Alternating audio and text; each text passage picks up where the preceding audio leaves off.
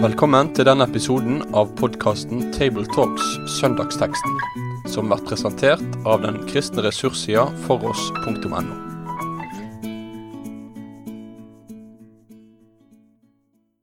Vel møtt til Tabletalks om eh, søndagens tekst. Og vi er samlet her Svein Granerud, Egil Sjåstad og Asbjørn Kvalbein. Og nå skal vi snakke om andre søndag i adventstiden, Johannes 14, vers 1-4. Og jeg leser da. La ikke hjertet bli grepet av angst. Tro på Gud og tro på meg. I min fars hus er det mange rom. Var det ikke slik, hadde jeg da sagt dere at jeg går og vil gjøre i stand et sted for dere. Og når jeg har gått og gjort i stand et sted for dere, vil jeg komme tilbake og ta dere til meg. Så det skal være der jeg er, og dit jeg går, vet dere veien. Det er jo bare korte fire vers her, eh, og vi kan sette det inn i en sammenheng. Og det er jo at dette er talt like etter at Jesus har innstiftet nattvern og eh, forbereder sin eh, lidelse og død, så det er antagelig talt på skjærtorsdag kveld. Han har vasket disiplenes føtter, men det mest dramatiske er jo at han har på en måte utpekt Judas som forræderen, og like før påpekt at, Jesus, at Peter kom til å fornekte han Eh, før han ga Gol tre ganger. Så det er ganske dramatisk, og jeg må jo regne med at disiplene var ganske engstelige og redde da de hadde hørt dette. Og derfor syns jeg det er en god mening at vi får denne sammenhengen. La ikke hjertet bli grepet av angst. Um, ja, hva tenker dere brødre ellers om denne teksten? Ja, Det er jo en adventstekst, ja. så vi, vi, må vel eh, må vel sette den inn i den sammenhengen. Det betyr vel ikke at uh, dagen skal overstyre teksten. Uh, det må vel være et samspill, men, uh, men advent har jo med Jesu komme å gjøre. Og at han kommer, og det er veldig mye i denne teksten som gir innspill til akkurat det perspektivet. Da. Både det nære komme som ligger i den jula som vi venter på, men eh, enda mer at han går bort og forbereder det at han kommer for å hente oss når alt står ferdig. Så det er klart, eh, disse perspektivene, de ligger jo her. Så jeg ville nok begynt å si noe om dette med å ikke være engstelig. Nå kan vi høre hva Egil har som innsteg, før vi begynner å dele mer av versene her. Det er ikke dumt, tror jeg, når han skal preike og vise til det som skjedde i kapittelet foran, som Asbjørn nå gjorde. Og der har også Jesus forutsagt, egentlig, at han kom til å dø, kom til å forlate dem. Så det hører mye i tillegg til at Judas er forråderen, Peter fornekteren. Så det ligger liksom mørke skygger over situasjonen her, da. Det vil jeg nok ha begynt med. Og så er det jo det at våre tilhørere i dag også kjenner på angst så vi må på en eller annen måte få kontakt også med den angsten. da, At det går an å ta til seg Jesu ord for folk som har andre slags angst enn det disiplene hadde der og da. Det tror jeg kanskje er et poeng. Jeg har merket meg at um, det vers 1 er oversatt på mange forskjellige måter. La ikke hjertet bli grepet av angst. La ikke uro få makt over dere og la ikke deres hjerte forferdes. Det siste er jo et litt gammelt uttrykk, men alt taler i retning av at dere må kaste bekymringene vekk og ikke bli urolige. Um, og angst er jo da et um, begrep som vi kjenner også fra psykologisk sammenheng, i veldig mye brukt i dag. Og at uh, Jesus har noe å gi til mennesker som sliter med angst, uh, det er jo godt å høre. Men ellers så merker jeg meg at dette er jo egentlig en tekst som uh, i tidligere uh, skrift, uh, eller skal vi si kirkeårssammenheng, har vært en i påsketiden, tredje søndag etter påske, er denne teksten. Men da er det alle de elleve første versene som er med. Og da er det et utvidet perspektiv over det. Fordi at Thomas kom jo med spørsmålet fra vers 5. Vi vet ikke veien, vi vet ikke hvordan vi skal finne fram, men Jesus sier 'Jeg er veien, sannheten og livet'. Ingen kommer til far uten med meg. Det er jo et veldig kjent ord, godt å lære utenat og viktig. Og så kommer det enda dypere inn i forholdet mellom Faderen og Sønnen. Den som har sett meg, har sett Far. Visste du ikke at jeg er i Far og Far i meg? Altså det er dype ting i forholdet mellom Jesus og Faderen. Ehm, så det er litt påfallende at man har laget teksten så kort, eh, gjengitt så lite. Men det betyr vel at man kanskje nettopp i adventstida trenger å høre litt om at man må legge angst og uro og bekymringer bak seg. Det er fristende å holde det på det nivået, kanskje. Men det er jo to, de to tingene du nevnte spesielt her nå, da, med forholdet Faderen og Sønnen og veien. Ja. Eh, vi har jo en anledning til å trekke med oss f.eks. vers 6, da, som er veldig kjent, inn i preika her, og også vers 9 for å forklare tro på Gud og tro på meg. Ja. For det er jo ikke to ulike ting, dette der, men i Johannes evangeliet så er den sammenkoblingen Det betyr tro på Gud ved å tro på Jesus. Samme i Johannes 17. Eh, det er det evige liv, at de kjenner deg og ham du utsendte, Jesus Kristus. Det betyr å kjenne Gud gjennom Jesus. Og det kommer jo til uttrykk i vers 6. Ingen kommer til Faderen uten gjennom meg.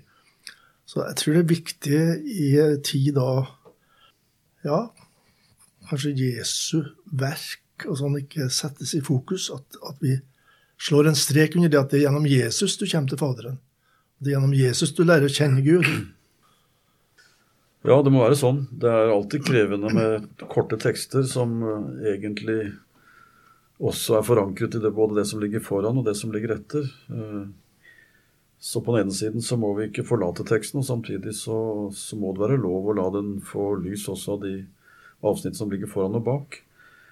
Eh, jeg syns det er alltid spennende å se hvordan dette med evangeliet kommer fram, og hvordan teksten på en måte oss, tar oss inn i det. Hvis vi ser på ordlyden her, så begynner det jo med to oppfordringer, bortimot imperativer, som vi sier. Eh, vær ikke redd, for å si det kort, og tro. Og det å si til folk at du ikke skal være redd når alt det som skaper angst, ligger rett foran deg, det, det blir fort veldig tafatt. For når alt omkring deg forteller at du har god grunn til å være redd, så vil det ikke hjelpe så veldig mye om jeg klapper på skulderen og sier at det er ikke noe å være redd for. Og til folk som syns eh, at tvilen får næring av det meste, og så sier tro Ja vel, kommer troen bare av en befaling? Så det går jo an å lese innledningen her og spørre litt hvordan kan Jesus gi disiplene sånne beskjeder? Eh, og sette det litt i relieff. For hvis det skal være mening for meg på prekestolen å tale sånn at folk virkelig kan legge angsten til side og oppleve at eh, troen får næring, ja, så må jeg jo spørre hva er grunnen til det? Og Det er det Jesus gjør i de neste versene. For da begynner han å tale om hva han gjør. Og Da tenker jeg at da er vi inne i det som for meg er den evangeliske tilnærmingen alltid. Nemlig det som gir tro, og det som tar bort angst. Det er å få høre hvem Jesus er, hva han gjør, og hva han har gjort. Og Da er vi inne i dette med både lov og evangelium. og at det er beretningen om Jesus, hvem han er, som Egil nettopp pekte på, som gir troen næring. Ellers så blir tro en, en meningsløs befaling. Vi kan godt liksom bare istemme tidens slagord. Det går bedre og bedre dag for dag, og slapp av osv. det er akkurat det du sier. Altså, vi, må ha, vi, må forankre det i ja. evangeliet og hvem Jesus er. Og da må vi kanskje ha litt hjelp fra versene etterpå også. Eh, at han er veien, sannheten og livet og ett med Faderen, og gi det store perspektivet. Han er Gud, og han taler med myndighet. Det er flott hun tar fram det. Ja, at han er far. I bergpreika så sier Jesus det samme da, om å ikke være bekymret, uttrykket der. Og da er det Gud som far for Guds barn som er hovedmotivet for bekymringsløsheten. Og da må jo Gud forkynnes som far som gjennom Jesus åpner armene og tar imot oss. Og her i teksten, helt fram til vi når målet, så er vi omslutta av en Gud som ønsker oss dit. Altså, jeg vil, sier Jesus, at de skal være der jeg er. Det står i kapittel 17, tilsvarende uttrykk her. At de skal være, komme til meg. Jeg kommer til dere. Og, og dette er motiver som skal klinge så sterkt fra prekestolen at troen skapes, da. Guds ånd bruker budskapet. Jeg har en liten eh, ja, kanskje digresjon, men i, i apostelgjerningene 2 så står det litt om prekinga der. Fordi de som uh, hørte, og som merka at de tala på deres eget språk, de opplevde det sånn, hørte det som sitt eget språk, de sa vi hører dem tale om Guds store gjerninger på sitt eget språk. Så kristen forkynnelse uten å forkynne om Guds store gjerninger, det kan ikke skape tro. Men det kan det, når det, når det er Kristus i sentrum. Ja, det er viktig. Ja, ja dette er flott. For troen den må alltid hvile på noe annet enn troen selv. Altså Troen selv er ikke noe å hvile troen på. Uh, troen den må forholde seg til noe som, uh, som griper den. Og da tenker jeg at Jesus gir oss det nærmest med en gang her. Etter at han har bedt oss legge angsten til side og bedt oss å tro, så forteller han at um, i hans fars hus er det mange rom. Og så sier han at han går bort for å gjøre i stand et sted for oss. Det betyr altså at det huset, som er fars hus, der gjør Jesus stand rom for oss. Mm. Og så må jo vi ha lov til å tale i 2019 om at han har gått av sted for å gjøre klart rommet. Det oppbruddet, det har skjedd. Og det skjedde med det som skjedde rett etter denne avskjedskvelden med disiplene. Han gikk bort og ga sitt liv, sto opp igjen, og så får han opp til himmelen. Og vi er i den situasjonen nå at vi venter på at han kommer tilbake. Han har gått bort, og det betyr at han er der for å gjøre stand rom for oss. Jeg tenker Det er en troens hvile å vite at det er, det er det Jesus inviterer meg inn i. Og så sier han at vi vet veien. Og da kan vi dra inn litt av det som også kommer etterpå. Så evangeliet ligger rett for hånden her og forteller hva Jesus forankrer troen i. Det er jo sagt tidligere av Jesus at dit jeg går, kan dere ikke komme. Og de kunne kanskje fått det inntrykket av at, at han dro fra dem og forlot dem. Men da tenkte han jo på at det, de skulle ikke bli med han på korsdøden og oppstandelsen nå. Um, så derfor er det ekstra trøstende å komme inn til dem i dette avsnittet. Men når det er snakk om fars hus, så er jo brukt det vanlige ord for hus der, men det er mange som tenker på at dette er det tempelet som er åndelig i himmelen. Himmelen sammenlignes jo med Guds hus, og der er mange rom. Eh, man har spekulert på detaljene her, ikke sant. Betyr det bolig, værested betyr det en slags uh, celle jeg skal bo i. Station har det vært sagt på engelsk. Mansions har det også vært uttrykt. Men det er altså et personlig, permanent oppholdssted, får vi bare tolke. Hvordan det ser ut rent praktisk, det vet vi jo ikke. Men, men det er altså et sted som vi kan glede oss over. Og det viktigste ved det stedet er jo at dere jeg skal komme tilbake, og så skal dere få være der hvor jeg er. Um, og dere vet den veien som er der. Den er gjennom Faderen og gjennom meg. Jeg er veien til Faderen. Uh, men det viktigste ved saligheten er å være sammen med Jesus, og det er viktigere enn beskaffenheten på disse rommene, som man kan spekulere i. Mange rom her, det det er blitt spøka mye med det opp gjennom historien. Altså. Ja. At de er ikke om bord lutheranere osv. Eh, men eh, jeg tror det er uttrykk for romslighet. da. Mm. Og det er ikke isolerte rom, for det er en skare som er sammen. Så vi må ikke tøye det bildet med mange rom til at vi er isolert, hver enkelt i hver sin celle. altså. Det blir heller som det var i Filippi fengsel, for der står det at fangene hørte Paulus og Silas sang, selv om de har forskjellige rom. Så det var et fellesskap. Og det tror jeg det er et poeng her. Altså, og at det er Jesus som er sentrum i det huset. Det skal ta dere til meg, for at også dere skal være der jeg er. Jeg har nettopp eh, undersøkt Landstads salmer når det gjelder temaet gjensyn av medkristne i himmelen. Og det spiller veldig liten rolle hos han. Jeg har funnet det én gang, helt konkret. Han som ellers skriver mye om døden og oppstandelsen, det evige livet. Og Det tror jeg er fordi at det er så dominerende at jeg ønsker å se Jesus først av alt.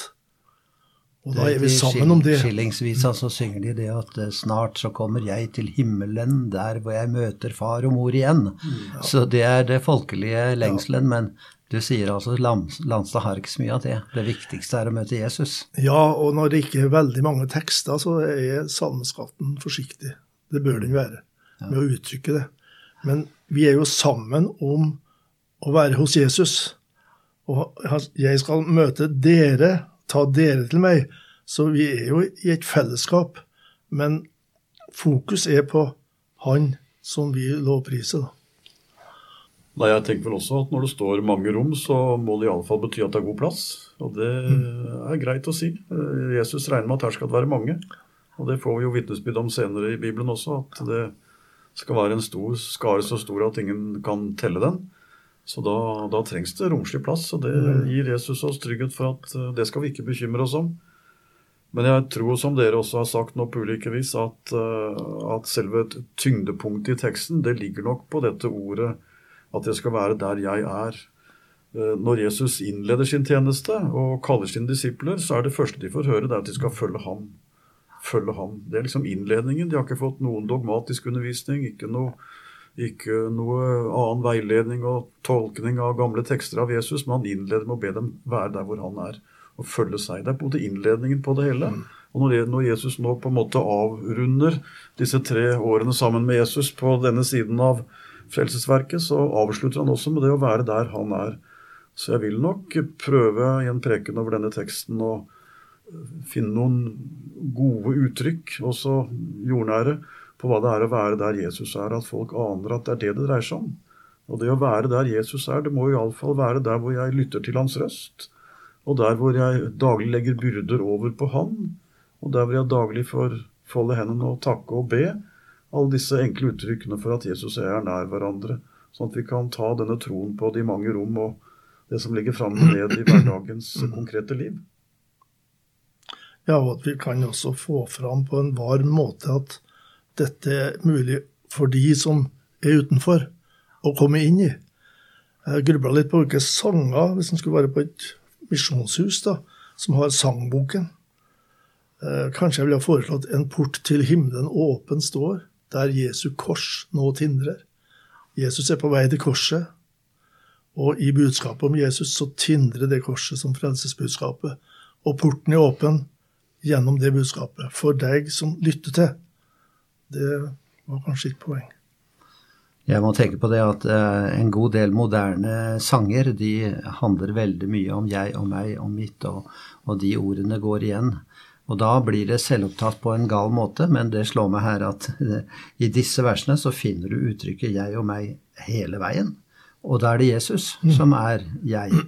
Og det skal vi ikke være redd for, fordi at vi jo er så selvopptatte at her er det virkelig en korrigering.